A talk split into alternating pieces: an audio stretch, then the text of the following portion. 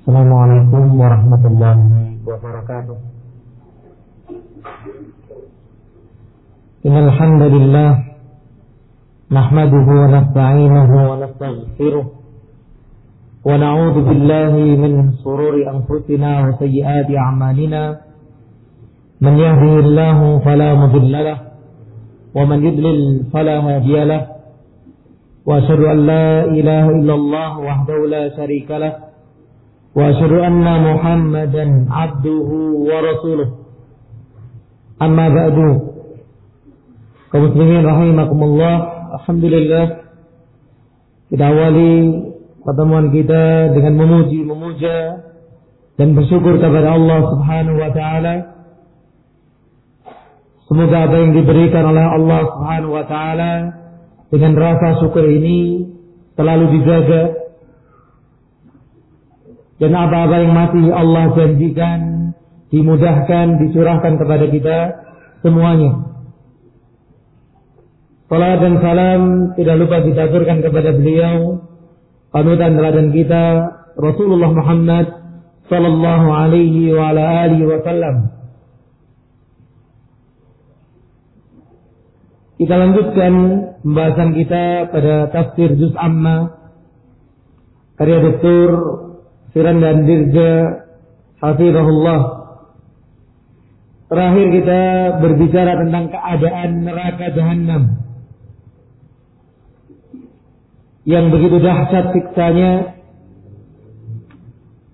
di mana Allah Subhanahu wa taala dalam ayat terakhir yang kita baca mengatakan jazaan wifaqa. Itulah balasan yang setimpal bagi penduduk neraka. Kenapa?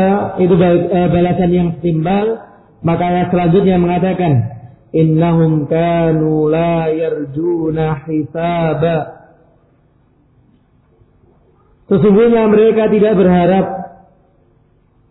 tidak percaya dan tidak takut adanya hari perhitungan adanya hisab dan ini di antara nama lain dari nama hari kiamat apa kemarin yaumul hisab.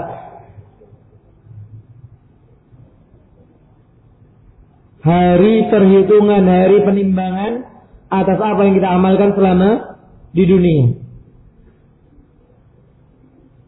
Maka penghuni neraka itu mereka tidak berharap. Mereka tidak takut. Mereka tidak percaya akan adanya hari perhitungan ini. Dikatakan orang-orang musyrikin tidak takut bahkan mengingkari adanya perhitungan terhadap amal perbuatan mereka di dunia. Padahal mereka pasti akan menemui hal itu. Alasan kedua Allah katakan wa kadzabu bi ayatina kidzaba dan mereka mendustakan ayat-ayat kami dengan sesungguh-sungguhnya. Apa dengan sebenar-benar pendustaan.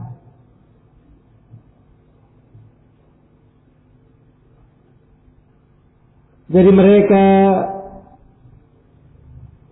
lecehkan, mereka dustakan, mereka nistakan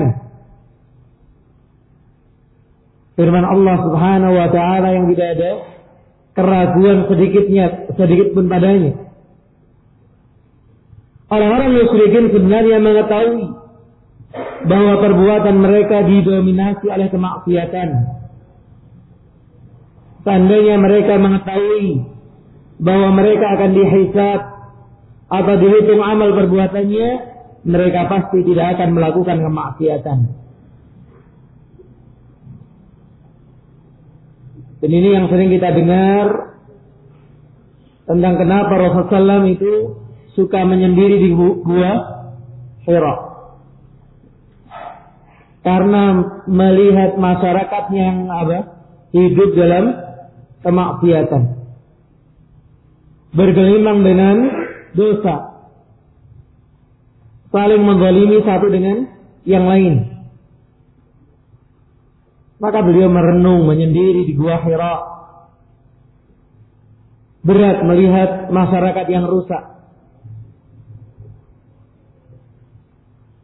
Maka ini adalah ciri fitrah yang masih baik. Yaitu bersedih atas apa kerusakan yang terjadi di tengah masyarakat. Dan tentu waktu itu Rasulullah belum tahu bagaimana dan apa yang harus diperbuat. Tapi begitu Allah Subhanahu wa taala mengangkat beliau sebagai nabi dan rasul. Dia pandang menyerah, pandang mundur dalam mengajak masyarakatnya kepada kebaikan. Sampai-sampai ketika ditawarkan apa? Harta. Ditawarkan kedudukan. Ditawarkan apa? Istri. Maka beliau menjawab, Seandainya kalian meletakkan matahari di tangan kananku dan bulan di tangan kiriku, aku tidak akan berhenti dari urusan ini sampai datang keputusan Allah Subhanahu wa taala. Maka ini yang harus kita teladani. Keadaan yang kita dapati sekarang ini. Masyarakat yang terjerumus dalam apa? Kesyirikan. Kebitahan. Seharusnya menumbuhkan kepedulian. Bagi orang yang fitrahnya masih lurus untuk punya peran bagaimana memperbaiki kondisi masyarakat. Maka mereka orang-orang musyrikin bergelimang dalam dosa. Tapi karena mereka tidak yakin akan hari kiamat, hari hisab, mereka tidak takut. Oleh karena itulah mereka tidak meyakini adanya hisab.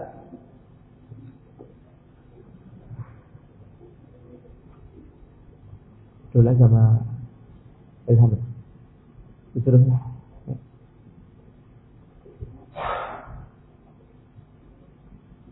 Bahkan mereka tidak mau adanya hisab dan takut terhadap adanya hisab itu. Mereka juga tidak takut. Lalu mereka pun mendustakan ayat-ayat Allah Subhanahu wa taala yang menjelaskan yaumul hisab, hari kebangkitan dan hari persidangan. Karena berangkat dari apa? Ketidakyakinan mereka.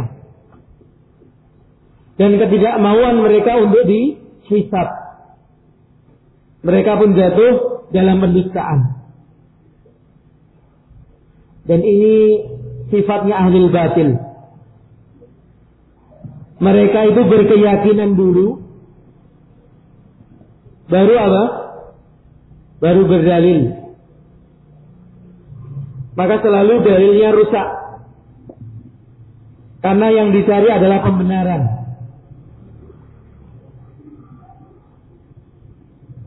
Kemudian Allah menjelaskan wa kulla shay'in ahsaynahu.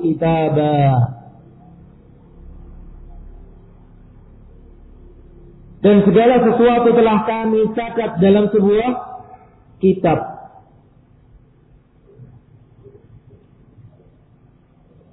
Enam.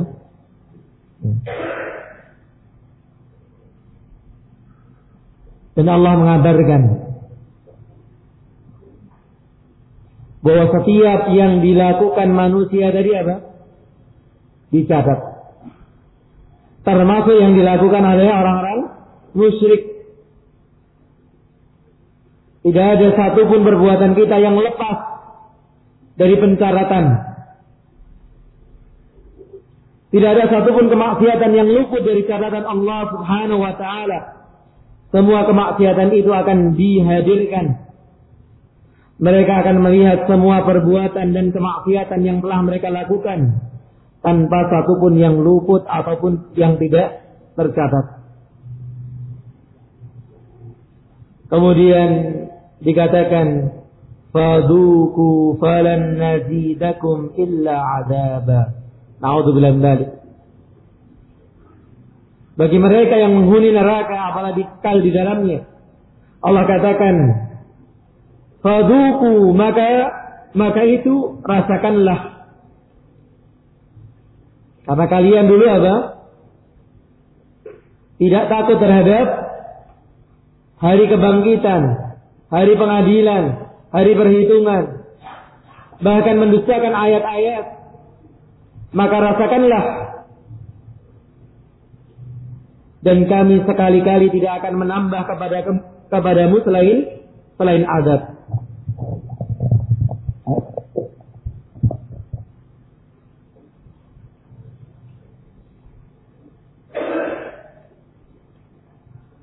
Dijelaskan oleh beliau orang-orang musyrik diazab di neraka jahanam dengan berbagai macam siksaan. Bahkan siksaan mereka rasakan bertambah kadarnya dari hari ke hari. Ini sebagaimana penghuni surga. Penghuni surga itu kenikmatannya setiap saat, setiap hari ada bertambah. Makanya tidak pernah ada rasa bosan. Di surga tidak pernah ada rasa bosan. Kenapa? Karena kenikmatan itu selalu bertambah. Sebaliknya, di neraka tidak pernah ada rasa senang. Kenapa?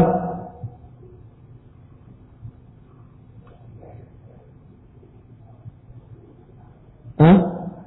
karena azabnya bertambah. Orang kalau biasa dipukul lama-lama apa? Tebal. Oke. Lama-lama apa? Tebal. Makanya ahli bela diri itu ada latihannya mukuli tangannya ke sansak dan sebagainya. Bahkan kadang ada ada tubuhnya dipukuli supaya kebal terhadap apa? Pukulan.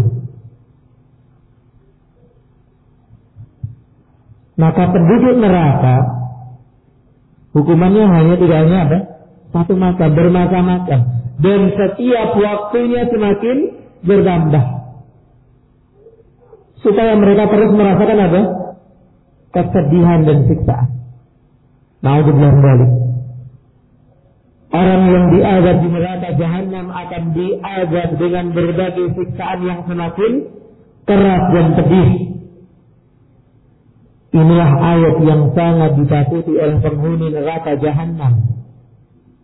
Bahkan hal, bahkan hal ini sampai membuat Abdullah ibn Amr ibn As berkata, "Ma unzilat ala ahli nari ayatun qattu asyaddu minha."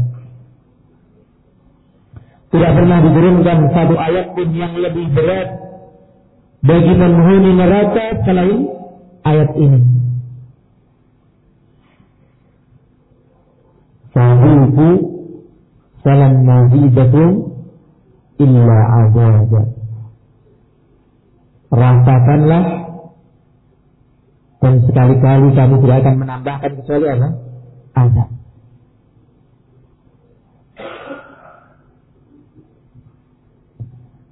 Kemudian pembicaraan dalam ayatnya bertimbah. Kalau itu tadi keadaan penghuni neraka yang kita sudah seharusnya, sudah selayaknya ada, merasa takut.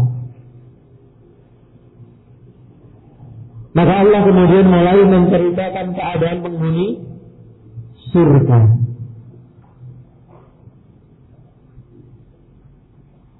Sehingga sebenarnya keadaan akhirat sudah jelas dan gamblang.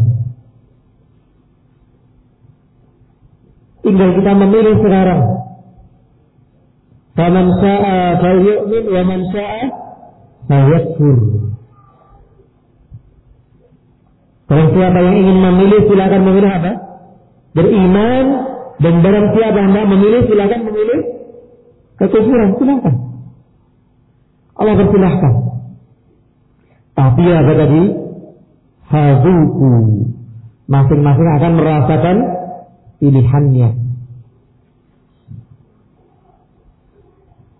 Maka ini pun menunjukkan bahwa manusia punya kehendak.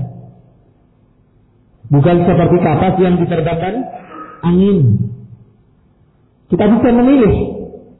Dan Allah sudah ada menjelaskan keadaan manusia telah di akhirat dan menjelaskan jalannya. Maka Allah kemudian mulai mengatakan innahu muttaqina mafaza. Sesungguhnya orang-orang yang bertakwa mendapatkan apa? Kemenangan-kemenangan.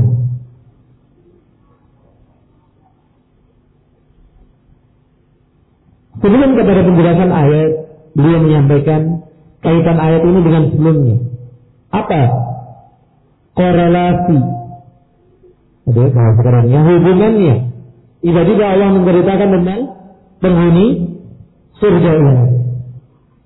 Setelah Allah Subhanahu wa taala menyebutkan tentang nasib orang-orang kafir dan siksa yang akan mereka dapatkan di neraka, Allah Subhanahu wa taala mulai menyebutkan tentang nasib orang-orang beriman, kaum mukminin yang mendapatkan balasan apa balasannya? Surga. Maka diambil dari kata haus. Kata kerjanya apa? Faza yafuzu fawzan. Faizun. Faza apa menang. Beruntung. Maka faiz itu apa? Pemenang. Nah, maka dia digambar ambil dari masjid tadi. Faza yakuzu fauzan, fauzun. Yang artinya keselamatan dan kemenangan. Oleh karena itu padang pasir dinamakan dengan mafazah. Sebagai bentuk tafaul, optimisme, berharap kebaikan agar orang yang melintas padang pasir bisa meninggalkannya dengan selamat.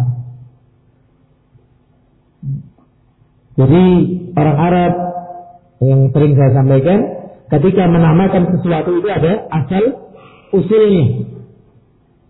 Termasuk padang pasir kalau bahasa lainnya apa? Sahra. Itu dia punya nama lain apa? Mafazah.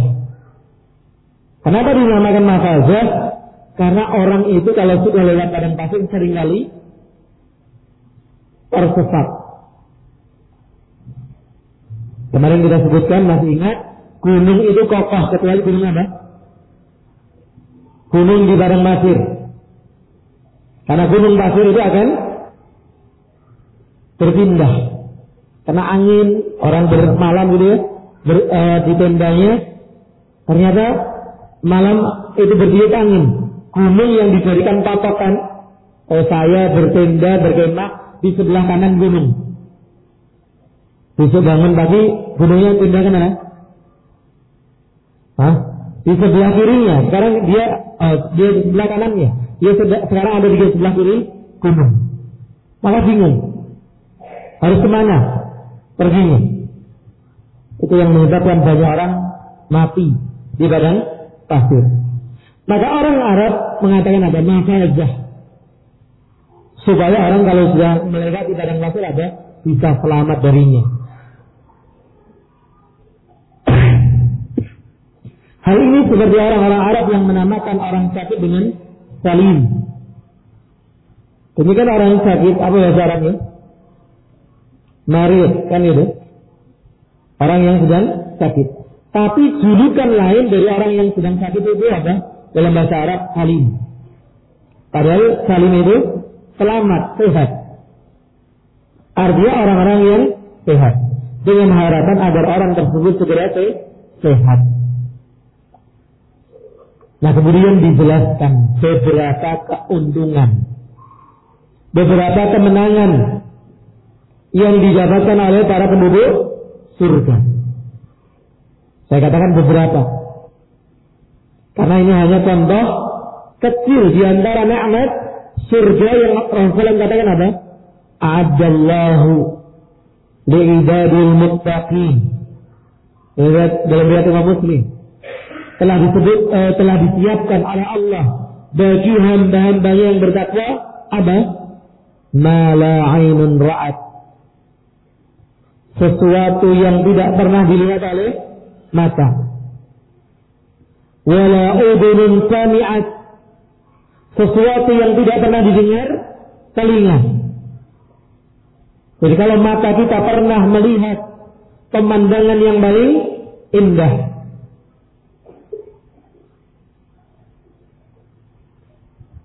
Ada yang Sebentar, sabar.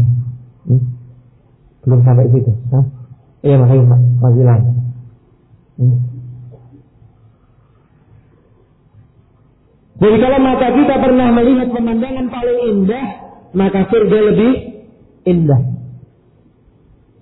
Kalau mata kita pernah mendengar satu cerita tentang keindahan, maka surga lebih indah. Wala khatar al qalbil basar. Bahkan tidak mungkin terbayangkan oleh hati manusia. Maka yang disebutkan di sini hanya pendekatan.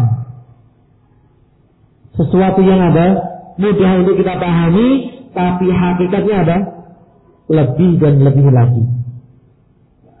Apa itu? Hadaika wa a'nada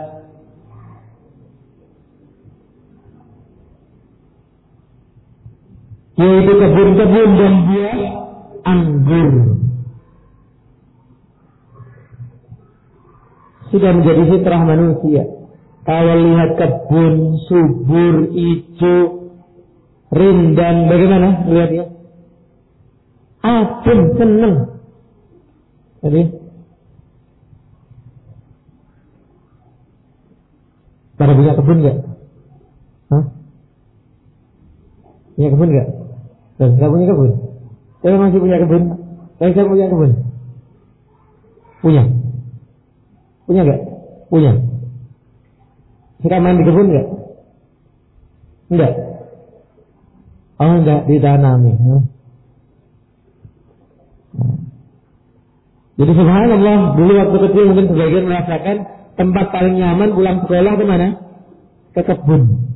Gitu ya bikin rumah-rumahan gitu ya. Masya Allah. Hmm. Itu bisa apa? Main dari pulang sekolah sampai sore. Hmm. Maka ini baru kebunnya dunia. Bagaimana dengan kebun akhirat? Wa anaba dan anggur. Anggur salah satu buah yang biasanya disiapkan dalam apa? Menjamu tamu-tamu istimewa. Karena harganya juga tidak murah. Apalagi yang apa? Istimewa gitu ya. Yang pasti manis. Kadang kita beli apa? Kecut kan gitu. Itu harganya sangat tinggi. Nah ini apa?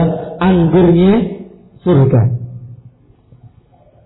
Allah menjelaskan hakikat kemenangan mafaza yaitu masuk surga yang berisi kebun-kebun dan taman-taman.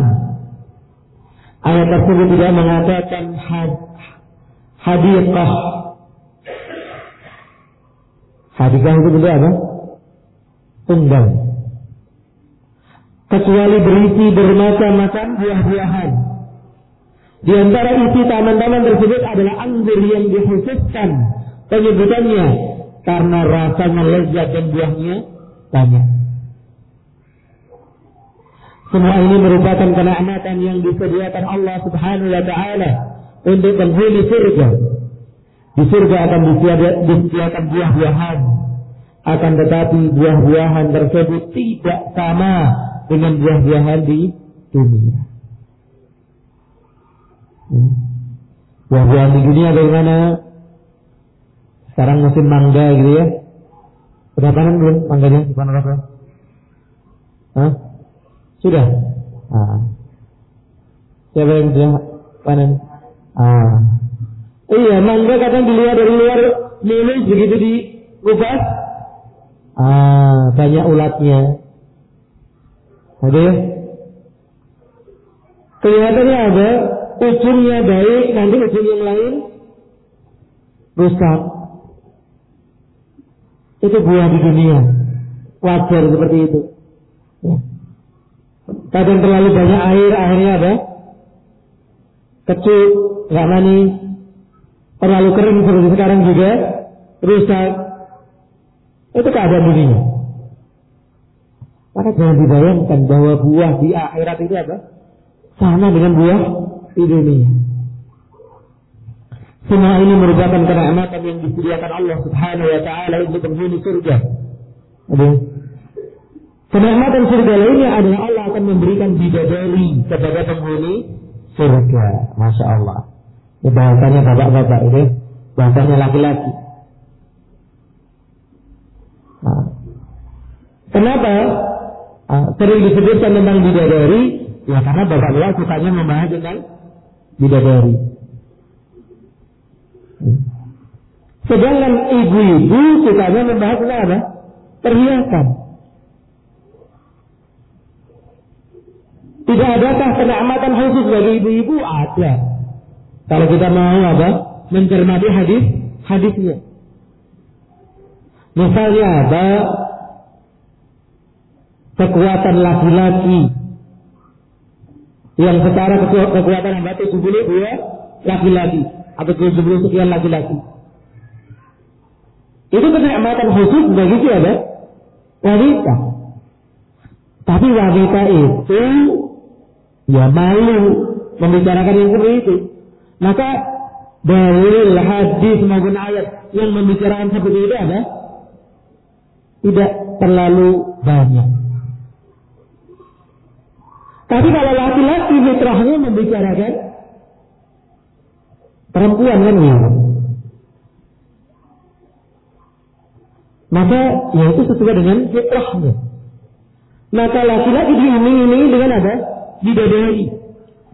Demikian pula kalau diperhatikan sebenarnya tentang sutra, tentang berhiasan. Ini juga fakta kesenangan itu ya. Perempuan. Laki-laki tidak terlalu peduli dengan yang seperti itu. Jadi jangan ada anggapan, dan ini banyak anggapan yang tersebar Nah, sehingga sempat saya bu, alam masih ada atau tidak, saya pernah punya kutip menjawab apa pertanyaan ini. Dan itu sebagian jawabannya. Bahwa sering timbul pertanyaan di kalangan wanita seakan-akan surga hanya untuk laki-laki. Ya kalau ditinjau dari pembicaraan apa tadi tentang bidadari.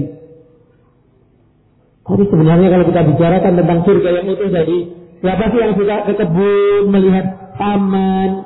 Wanita sudah enggak? Suka. Melihat tempat hunian yang nyaman, yang mengalir di bawahnya ada sungai-sungai. Wanita juga suka. Sutra, perhiasan, kesukaannya siapa? Wanita.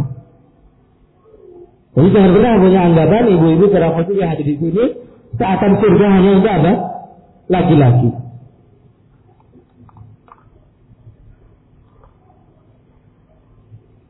Apa yang Allah ceritakan tentang bidadari itu? Wa kawaiba asraba. Dan gadis-gadis remaja yang sebaya. Ini mengingatkan kita bahwa ketika ada nenek-nenek datang kepada Rasulullah SAW menanyakan apakah saya masuk surga? Apa jawabnya? Tidak.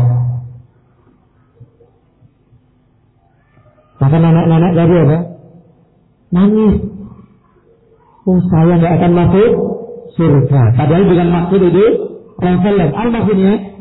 Nah, kemudian dijelaskan bahwa di surga nggak ada orang tua, nggak ada nenek-nenek di surga. Kalau nenek kita bagaimana nanti di surga? Ah, semuanya akan kembali muda. Yang disebutkan dalam beberapa dalil kita sebutkan kemarin, usia penghuni surga sekitar 30 tahun. Wa ibadah dalam bahasa Arab adalah para gadis-gadis muda, yaitu bidadari yang memiliki, iya, dibaca sendiri gitu ya. Nah.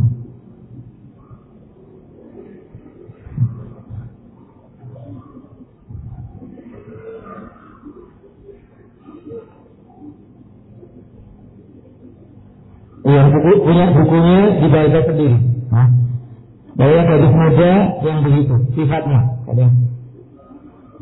Para bidadari tersebut umurnya rata-rata atau sebaya. Mereka tidak tua, tidak juga terlalu muda, yaitu sekitar umur 30 sampai 35 tahun. Jadi diberikan dalam dalil-dalil tentang umur penghuni surga. Karena itu ada usia kematangan. Usia kematangan ada usia ini. Jadi penghuni surga itu usianya bukan apa? Sweet? Bukan ya. Tapi usia tiga puluhan. Allah Subhanahu wa taala menyediakan bidadari yang sebaya dengan penghuni surga. Para pemuda yang umurnya mencapai puncak muda yang paling baik yaitu usia 33 tahun. Siapa yang usianya 33 tahun? Sudah lewat sudah ya. Ada yang belum lewat ya. Perlu dicarikan. Kalau sini nggak usah mikir dulu ya. Mikir ngapalkan dulu ya.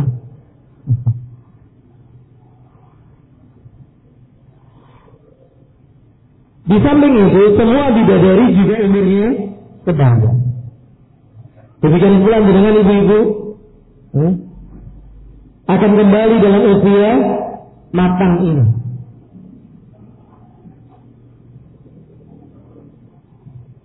Kemudian di antara kenikmatan yang lain dan dihaqa dan gelas-gelas yang penuh berisi minuman.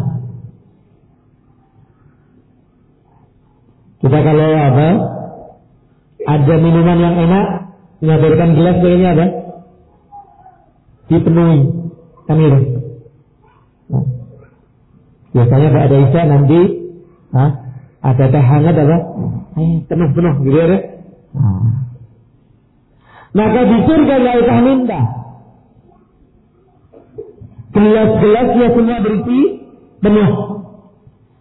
Para ulama mengatakan kaksan dalam bahasa Arab digunakan untuk arti de, uh, arti kata apa? Khamr. Ka'at itu adalah gelas yang dikhususkan untuk khamr. Apa itu khamr? minuman keras. Tapi jangan dibayangkan minuman keras dunia. Saya sempat melihat sebuah video begitu ya. Orang mencicipi berbagai macam merek minuman keras. Hmm? Apa komentarnya? Ketika disadarkan tanpa dikasih tahu dulu mereknya. Komentarnya ini seperti baru bau air kencing. Ini seperti rendaman tikus. Naudzubillah balik. Ternyata ini barang-barang yang ada baunya tidak enak, rasanya tidak enak. Tapi itulah pinternya setan menggoda manusia untuk gagah-gagahan, untuk hebat-hebatan, untuk menghilangkan katanya apa? Kepenatan, pusing dan sebagainya. Maka juga jangan dibayangkan pula hamernya akhirat seperti itu. Tidak. Tentu sebuah minuman kenikmatan, kelezatan yang hari ini kita diuji dengan apa? Diharamkan maka balasannya kelak dihalalkan. Jadi kalau kita kuat menghadapi ujian untuk tidak apa? tertipu. Dengan minuman-minuman tadi kita akan mendapatnya mendapatkannya karena di surga. Allah Subhanahu wa taala akan menyediakan khamr di dalam gelas sebagai minuman para penghuni surga. Di dunia kita diharamkan meminum khamr, namun para penghuni surga disediakan khamr. Artinya minuman khamr ini hukumnya diperbolehkan bagi para penghuni surga karena termasuk kenikmatan surganya. Dan selain itu, khamr di akhirat juga berbeda dengan khamr dunia. Karena katanya juga banyak khamr itu dibikin dari apa? Barang-barang yang busuk. Jadi hasil fermentasi dari barang-barang yang busuk. La yasma'una fiha lagwan wala kidzaba. Di dalamnya di dalam surga mereka tidak mendengar perkataan yang sia-sia dan tidak pula perkataan dusta. Salah satu yang kadang bikin kita galau di dunia ketika ada mendengarkan perkataan dusta. Dengan dengar orang apa? Ngerasani, menggunjing.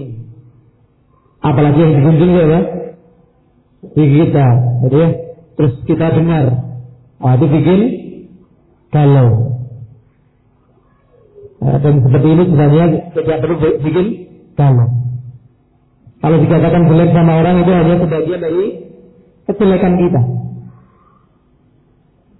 Orang tahu kejelekan itu baru sebagian, masih banyak kejelekan kita yang orang tidak tahu.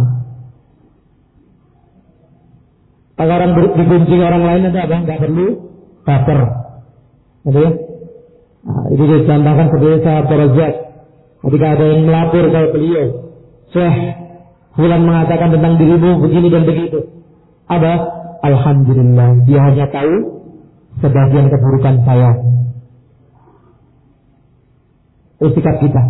Kalau ada digunjing orang orang lain supaya nggak sakit hati, gitu ya. Dan kenyataannya begitu. Kita ini punya banyak kelemahan, dosa, kejelekan. Orang tahu hanya sudah sebagian saja. Allah masih menyimpan yang lainnya. Mereka tidak akan mendengar perkataan yang sia-sia maupun yang dusta. Hal itu karena surga adalah dari salam. Nama lain dari surga apa? Dari salam. Tempat penuh keselamatan. Di surga tidak akan ada gangguan, tidak ada pula yang sia-sia. Semuanya kebaikan, semuanya kemanfaatan. Jazaan min ata'an hisaba sebagai pembalasan dari Rabbmu dan pemberian yang cukup banyak. Ada yang sangat banyak. Hisaban artinya kafiyah. Cukup dan banyak. Jadi bukan cukup banyak ya. Cukup dan banyak. Apa yang akan kita dapatkan kelak di akhirat itu sesuatu yang apa? Mencukupi segala yang kita inginkan bahkan lebih. Sebagaimana dikisahkan tentang penghuni terakhir yang masuk surga. Ketika dia sudah masuk surga, disuruh minta kepada Allah apa yang dia inginkan. Maka dia mulai membayangkan segala yang dia inginkan. Kemudian apa? Habis semua hayalan bayangannya. Dan semua sudah dibeli oleh Allah. Kemudian Allah menawarkan, apa kamu tidak ingin ini? Apa kamu tidak ingin itu? Dia mengatakan apa? Iya wahai Rabb. Iya wahai Rabb. Jadi sampai hayalan manusia itu ada hadis. Itu padahal penghuni surga yang terakhir. Kita sekarang menghayal gak ada yang terwujud gitu ya. Capek menghayalnya. Sedangkan penghuni surga telah apa yang dibayangkan dia, yang dihayalkan dia, semuanya dipenuh, dipenuhi. Ingin ada mobil yang pintunya sepuluh kanan kiri gitu ya. Jadi kalau mau anak pondok cukup. Apa yang dibayangkan pondok ya? Malah subhanallah, semua akan dicukupi oleh Allah. Hal ini mem, hal ini memperlihatkan metode Al-Quran. Setelah menyebut neraka jahanam yang bergantian dengan menyebut surga. Itulah metode yang namanya ada at-tarhib wa tarhib. Metode motivasi dan ancaman, peringatan. Yaitu Allah memberi rasa takut kepada kaum mukminin tentang dahsyatnya neraka jahanam. Akan tetapi ada pula tarhib yaitu Allah Subhanahu wa taala memotivasi dan memberi semangat kepada kaum mukminin tentang lezatnya dan indahnya surga. Yang ini sering disebut pula ada al-khawfu war-raja. Dengan disebutkannya neraka, kita harus punya rasa takut. Dengan disebutkannya surga, kita harus punya rasa harap. Orang kalau hanya punya rasa takut, dia akan jatuh dalam apa? Pesimisme. Pesimis. Saya ini terlalu banyak dosa, terlalu banyak salahnya, paling ada. Saya nanti di neraka. Akhirnya ada Gak mau beramal. Hmm? Maksiat ada gaspol. Hah? Allah paling-paling yang gue melebu neraka wis maksiat pisan. Sudah usah sholat. Ini orang yang ada hanya punya rasa takut. Yang punya rasa harap saja juga bahaya. Terlalu apa? Ide. Optimis boleh, yang nggak boleh apa? Kepedean. Gimana kepedean? Oh Allah kan maha pengampun. Saya berbuat dosa apa saja, Allah maha pengampun. Nah ini juga bahaya. Maka diseimbangkan antara ada al-khawfu war -raja. Harus diseimbangkan antara rasa takut dan rasa harap. Iya, saya sudah beramal. Tapi tentu belum tentu amal saya diterima. Berarti saya beramal yang sungguh, sungguh. Iya, amal saya memang belum sempurna. Jadi, tapi Allah itu maha pemurah. Semoga amal yang belum sempurna ini tetap diterima. Itu menyeimbangkan antara apa? Rasa takut dan harap. Kemudian dikatakan Rabbus samawati wal ardi wa ma bainahuma ar-rahmani la yamlikuna minhu khitaba. Siapakah yang yang menyiapkan segala kenikmatan ini? Rabb yang memelihara langit dan bumi dan apa yang ada di antara keduanya. Yang maha pemurah mereka tidak dapat berbicara dengan dirinya. Tidak berkuasa untuk berbicara dengan Allah Subhanahu wa taala. Pada hari kiamat semuanya akan ketakutan dan tidak berani berbicara kecuali yang diizinkan oleh Allah. Maka dikatakan dalam ayat selanjutnya, "Yauma yaqumur wal malaikatu saffa." Pada hari ketika ruh dan para malaikat ruh di situ maksudnya apa? malaikat Jibril. Dan para malaikat berdiri bersaf Mereka tidak berkata-kata. لا يتكلمون إلا من أذن له الرحمن وقال صوابا. Mereka tidak berkata-kata kecuali siapa yang telah diberi izin kepadanya oleh Allah yang maha pemurah. Wa qala sawaba dan ia mengucapkan kata-kata yang benar. Kita kalau dihadapkan orang yang kita sedang orang yang kita takuti, nggak berani bicara.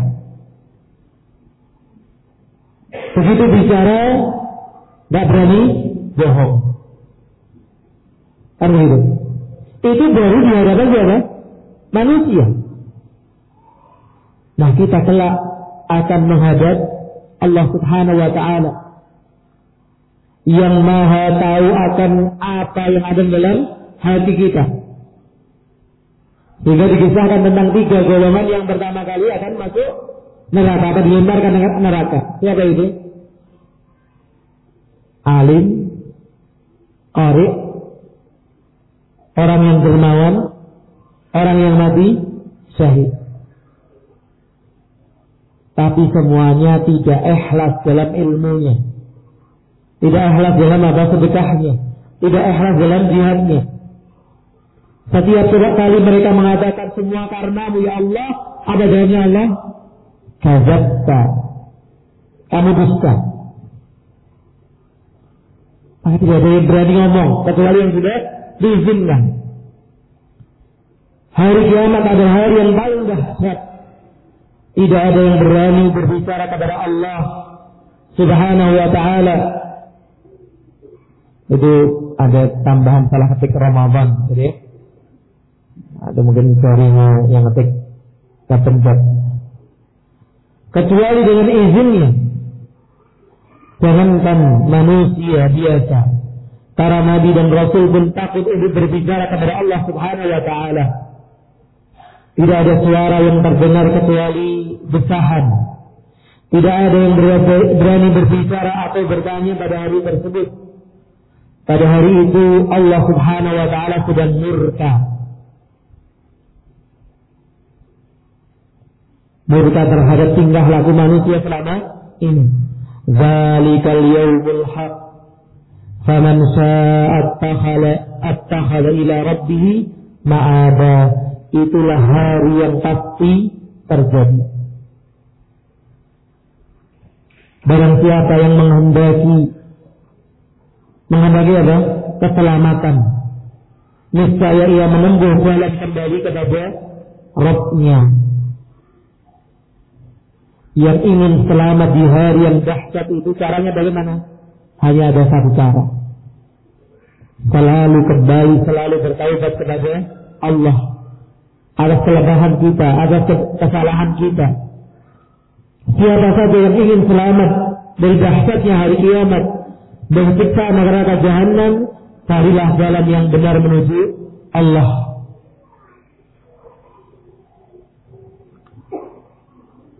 Inna anzarnakum azaban qariba. Sesungguhnya kami telah memperingatkan kepadamu, hai orang-orang kafir, siksa yang dekat. Yawma yanzuru mar'u ma qaddamat yadah. Pada hari manusia melihat apa yang telah diperbuat oleh kedua tangannya. Wa yaqulu kafiru ya laitani kuntu turaba. Dan orang-orang kafir berkata, alangkah baiknya sekiranya dahulu adalah alangkah baiknya sekiranya aku dahulu ada adalah tanah. Kurang akunya dia boleh ditambahkan. Sekiranya aku dahulu adalah tanah. Inilah hari penyesalan. Dan selalu penyesalan itu di mana di belakang maka hari ini yang kita masih berkesempatan untuk mengerjakan amalan Jangan sampai kita nanti menyesal seperti orang-orang kafir. Yang sampai berandai-andai sudah seandainya saja ini apa? Tanah tidak ada artinya. Padahal bagaimana di dunia tamaknya, rakusnya terhadap dunia. Tapi begitu sampai akhirat dia berharap saya tidak ada nilainya apa-apa di dunia. Sehingga tidak perlu menghadapi hisab. Azab yang dekat itu akan dirasakan oleh orang-orang yang berbuat zalim. Para pelaku maksiat akan diadab dalam alam barzah sebelum adab di neraka jahanam. Jadi orang yang berbuat zalim bahkan sebelum di mana?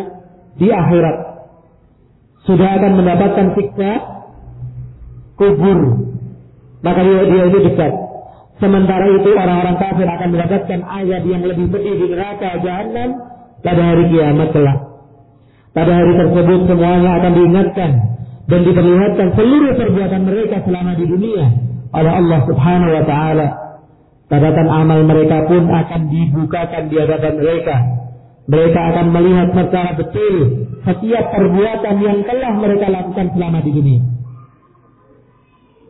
Jadi pernah gaul temannya, itu juga akan dicatat. Jadi, ah, tidak ada satupun yang luput pernah membuli temannya, ah, kena apa lagi ke temannya. Semuanya tercatat, tidak ada yang terlewatkan. Pada hari tersebut seorang kafir akan berkata, seandainya dahulu aku hanyalah tanah. Kata-kata ini menunjukkan penyesalan pada hari kiamat kelak. Ia tidak ingin menjadi manusia yang disidang Kemudian diazab oleh Allah Subhanahu wa taala. Lalu ia berhayal seandainya dulu hanyalah tanah, ia pasti tidak akan dihisab, disidang dan diazab. Namun penyesalan pada hari kiamat tentunya tidak ada manfaatnya. Maka menyesallah hari ini. Kalau kita belum menjadi orang yang baik. Karena orang yang mau menyesal hari ini akan memperbaiki dirinya. Tapi kelak penyesalan tidak ada lagi kesempatan untuk memperbaiki diri. Pada hari kiamat kelak Allah Subhanahu wa taala akan menegakkan semua hak Nabi SAW bersabda, "La tu'addunna al-huquqa ila ahliha yawm al-qiyamah hatta yuqada lisatil jawza min asatil qarna." Sungguh kalian akan mengembalikan hak-hak kepada pemiliknya pada hari kiamat Bahkan kambing yang tidak bertanduk pun akan mengembalikan haknya dari kambing yang bertanduk. Lihat. Hilang saja. Mentang-mentang ada dia punya tanduk kemudian nyakiti temannya. Menanduk temannya yang gak punya tanduk. Nanti di hari kiamat akan apa? Mengembalikan itu. Padahal kita tahu hewan tidak dibebani syariat. Apalagi kita. Kalau pernah Noel, yudit, mukul, ngambil haknya teman kita, orang lain. Maka semua nanti di akhirat akan dibuka. Meskipun mungkin di dunia tidak terbuktikan, tidak terbalaskan. Maka ini juga ada ancaman di satu sisi bagi orang yang berbuat zalim. Tapi ini juga hiburan di sisi yang lain bagi yang terzalim. Apa? Ya sudah. Kalau saya di dunia kalah, saya tuntut kamu di mana? Di akhirat. Dari Abu Dhar juga dikatakan, Anna Rasulullah SAW ra'a sataini tamtihani. Faqala ya Abu Dhar, hal tadri fima tamtihani? Qala la, qala lakinna Allah yadri. Wa sayaqdi bainahuma. Satu hari Rasulullah melihat dua ekor kambing saling ada beradu tanduknya. Maka Nabi SAW menanyakan kepada Abu Dhar, Wahai Abu Dhar, tahu nggak masalah dua kambing ini? Kenapa saling tanduk? Rebutan apa? Rumput, rebutan betina, ya? Abu Dhar mengatakan tidak tahu. Kemudian Rasulullah mengatakan apa? Allah Maha tahu. Dan Allah akan ada menghukum salah satu dari kedua kambing tersebut. Hmm? Maka kalau ribut karena ada rebutan lauk. Sudah rebutan lauk enggak? Enggak ya? Enggak insya Allah. Hah? Kalau rebut rebutan apa? Perkara dunia yang bukan hak kita. Meskipun kita ada menang di dunia. Ingat ada pengadilan akhirat. Seorang yang disuruh haknya di dunia akan dikembalikan oleh Allah subhanahu wa ta'ala pada hari kiamat. Tidak ada hak yang benar-benar hilang. Jika kita dizalimi di dunia, kita akan dimenangkan oleh Allah Subhanahu wa taala pada hari kiamat kelak. Sebaliknya, jika kita menang karena zalim di dunia, tidak dikalahkan Allah Subhanahu wa taala pada hari kiamat. Jadi kalau ada orang kalah karena didalimi jangan sedih. Dan kalau ada orang menang karena berbuat zalim jangan senang. Masih ada urusan yang belum selesai. Kapan? Di akhirat. Sebagai bentuk keadilan Allah Subhanahu wa taala, kambing yang tidak bertanduk akan dimenangkan oleh Allah Subhanahu wa taala atas kambing yang bertanduk. Lalu kambing yang bertanduk akan disiksa Allah Subhanahu wa taala. Namun setelah diadakan persidangan antara kedua kambing tersebut, mereka akan diubah menjadi tanah oleh Allah Subhanahu wa taala. Hal ini berbeda dengan manusia yang salah satunya akan mendapatkan surga dan ada yang mendapatkan neraka. Bagi hewan tidak ada surga dan neraka meskipun mereka tetap disidang sebagai bentuk keadilan Allah Subhanahu wa taala. Dan itu jawabannya. Kenapa ada sidang? Untuk menunjukkan keadilan Allah bahkan terhadap hewan sekalipun. Ketika orang-orang kafir melihat bagaimana hewan-hewan tersebut disidang, mereka pun mengatakan seandainya kami adalah para hewan yang disidang kemudian menjadi tanah. Namun perkaranya tidaklah demikian. Setelah manusia disidang, tidak ada pilihan bagi mereka kecuali dimasukkan surga atau ke neraka jahannam wal ayadu billah. Iya. Alhamdulillah, berapa pertemuan ini? Tiga tempat. Tiga ya? Empat pertemuan. Nah, kita menuntaskan tafsir surat An-Naba. Nah, dan ketika sudah tuntas dia dibaca kembali. Oke? Wallahu taala alam. Silakan kalau mungkin ada koreksi, tambahan atau pertanyaan.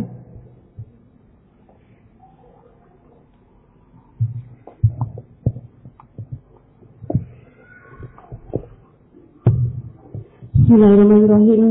Ustaz mau bertanya Ustaz. Ya, silakan. Uh, kalau seseorang uh, ketakwaan seseorang atau ibadah seseorang hanya biasa saja, sedangkan dalam hadis itu kan ada kalau kematian di malam Jumat atau hari Jumat adalah mendapatkan uh, sisa neraka kayak gitu Ustaz lah.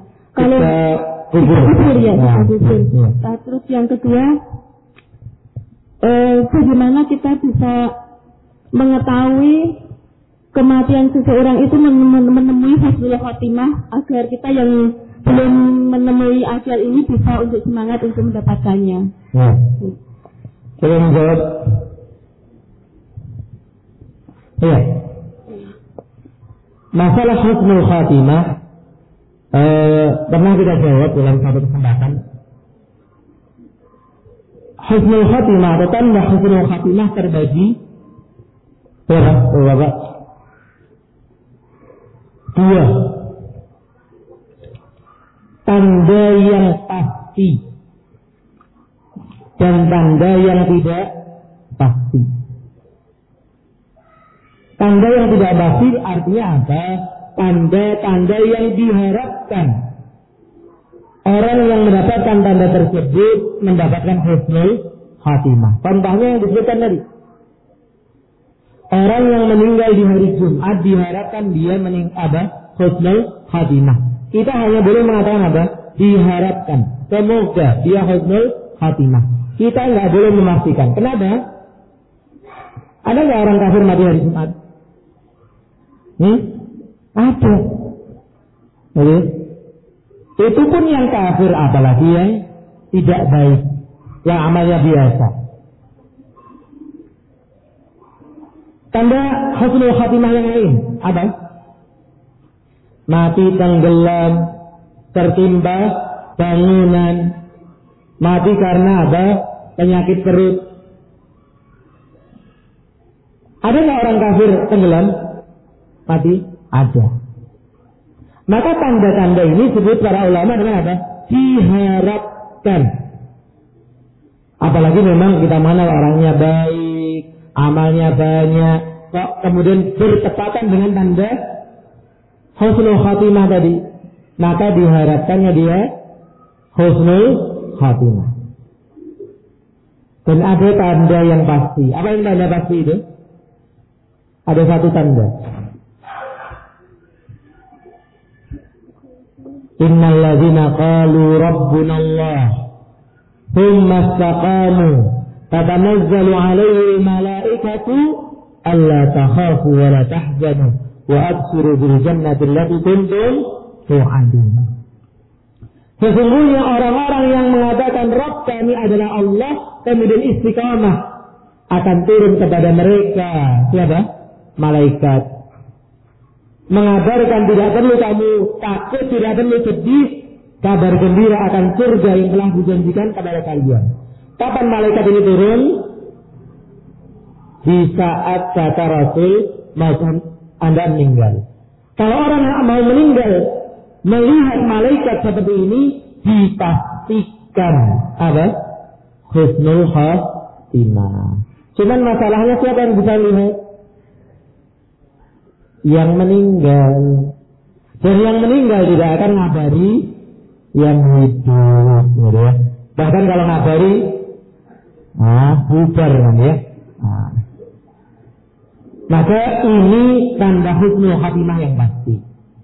Sedangkan di luar itu, ya tadi melihat kondisi orang yang meninggal. Meninggal hari Jumat orang kafir, kemudian kita katakan apa? Husnul khatimah. Nah ini kacau paham. Ya. Nah, kenapa? Pahami tadi tanda itu ada dua macam yang pasti dan dengan yang diharapkan. Yang diharapkan ini apa? Melihat keadaan masing-masing yang mening meninggal. Wallah. Ada lagi?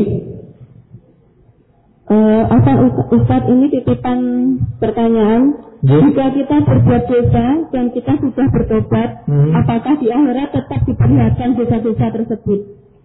Allah para ulama berbeda pendapat tentang masalah ini. Apakah ketika nanti diperlihatkan catatan amal, semua diperlihatkan? Atau kemudian yang sudah diampuni tidak diperlihatkan? Tapi kalau melihat dari dari hadisnya, semua akan diperlihatkan. Kemudian Allah akan menunjukkan kasih sayangnya, ampunannya, sebagaimana hadis tentang orang beriman yang kemudian didekatkan kepada Allah dan ditutup pandangan antara dirinya dengan manusia. Kemudian Allah mengatakan kepada orang ini, Ya fulan, ada beri zamba kaza wa zamba kaza. Ingat yang lain ada beri. Amaluka kaza wa kaza. Atau kala Rasulullah Allah mulai berdiskusi dengan orang itu tanpa dilihat siapa pun. Wahai bulan, ingatkah kamu dosamu yang ini, yang itu? Perbuatanmu ini, yang itu? Sampai orang itu merasakan binasa. Kemudian Allah mengatakan, kuntu satartuha fid dunia. Aku dulu menutupi dosa-dosamu itu di dunia. Wa ana aghfiru laka yawma. Dan aku mengampuninya pada hari ini. Nah, dari hadis yang seperti ini menunjukkan semua amal nanti akan ditunjukkan kepada seorang hamba.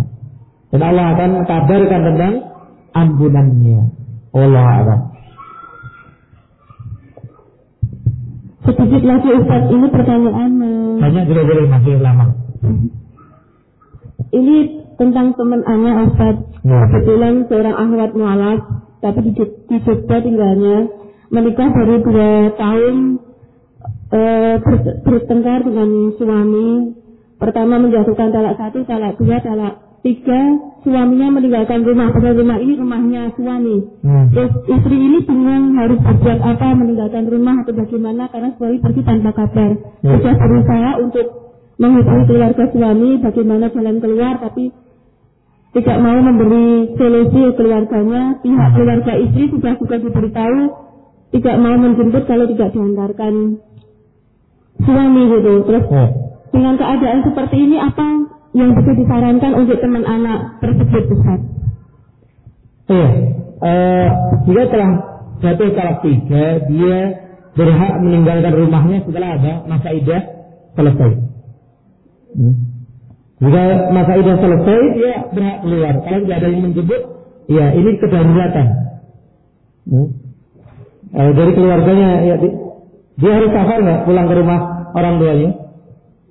Gimana Ustaz? Dia harus safar tidak untuk kembali ke rumah orang tuanya. Jadi setelah idah tiga bulan atau tiga masa haid setelah ditinggalkan suami tanpa kabar itu boleh meninggalkan rumah. Iya.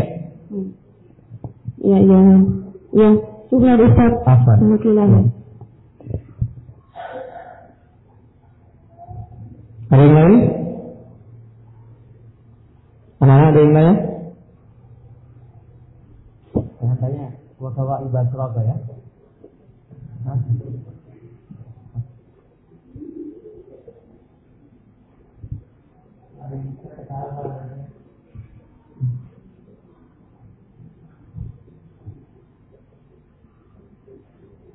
Ya, kalau tidak ada lagi kita putuskan. Allah Taala alam, semoga bermanfaat, kurang lebihnya maaf. Subhanallahumma wa bihamdika, asyhadu illa anta, astaghfiruka wa atubu ilaik. Assalamualaikum warahmatullahi wabarakatuh.